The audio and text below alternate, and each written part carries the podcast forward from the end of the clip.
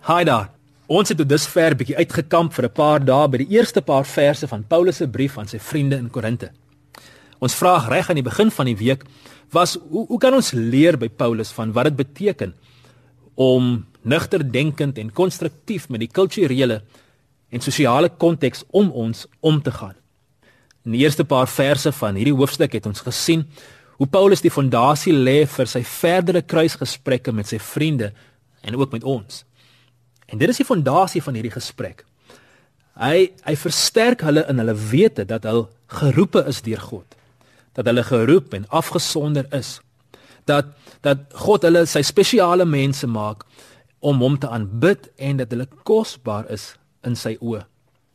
Dit is so belangrik vir ons dat wanneer ons met mense werk en en daarna streef om verandering teweeg te bring, of dit nou is binne wat ons kan noem 'n geestelike konteks of binne 'n meer sekulêre konteks dat dieselfde beginsel geld, naamlik voordat ons kan voortgaan om die dinge aan te raak wat ons moet verander binne ons verhouding met ons huweliksmaat of met ons kinders of met die span kollegas by die werk of die sportspan wat ons afrig of aanvoer as kaptein of die oppositiepartye binne die plaaslike regering of daardie ander kultuurgroep in ons gemeenskap is dit so belangrik dat ons dit doen vanuit 'n posisie van respek.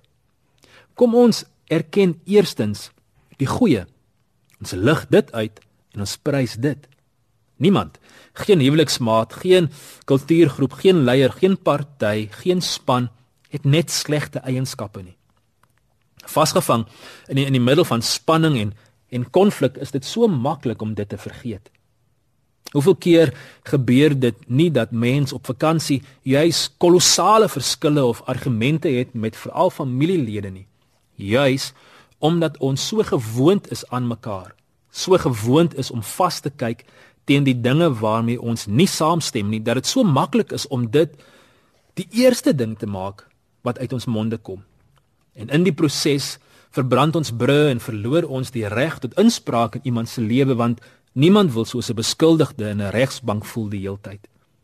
Kan ons poog om in hierdie tyd van nabetragting op ons jaar te kyk om die goeie raak te sien en om dit uit te bou.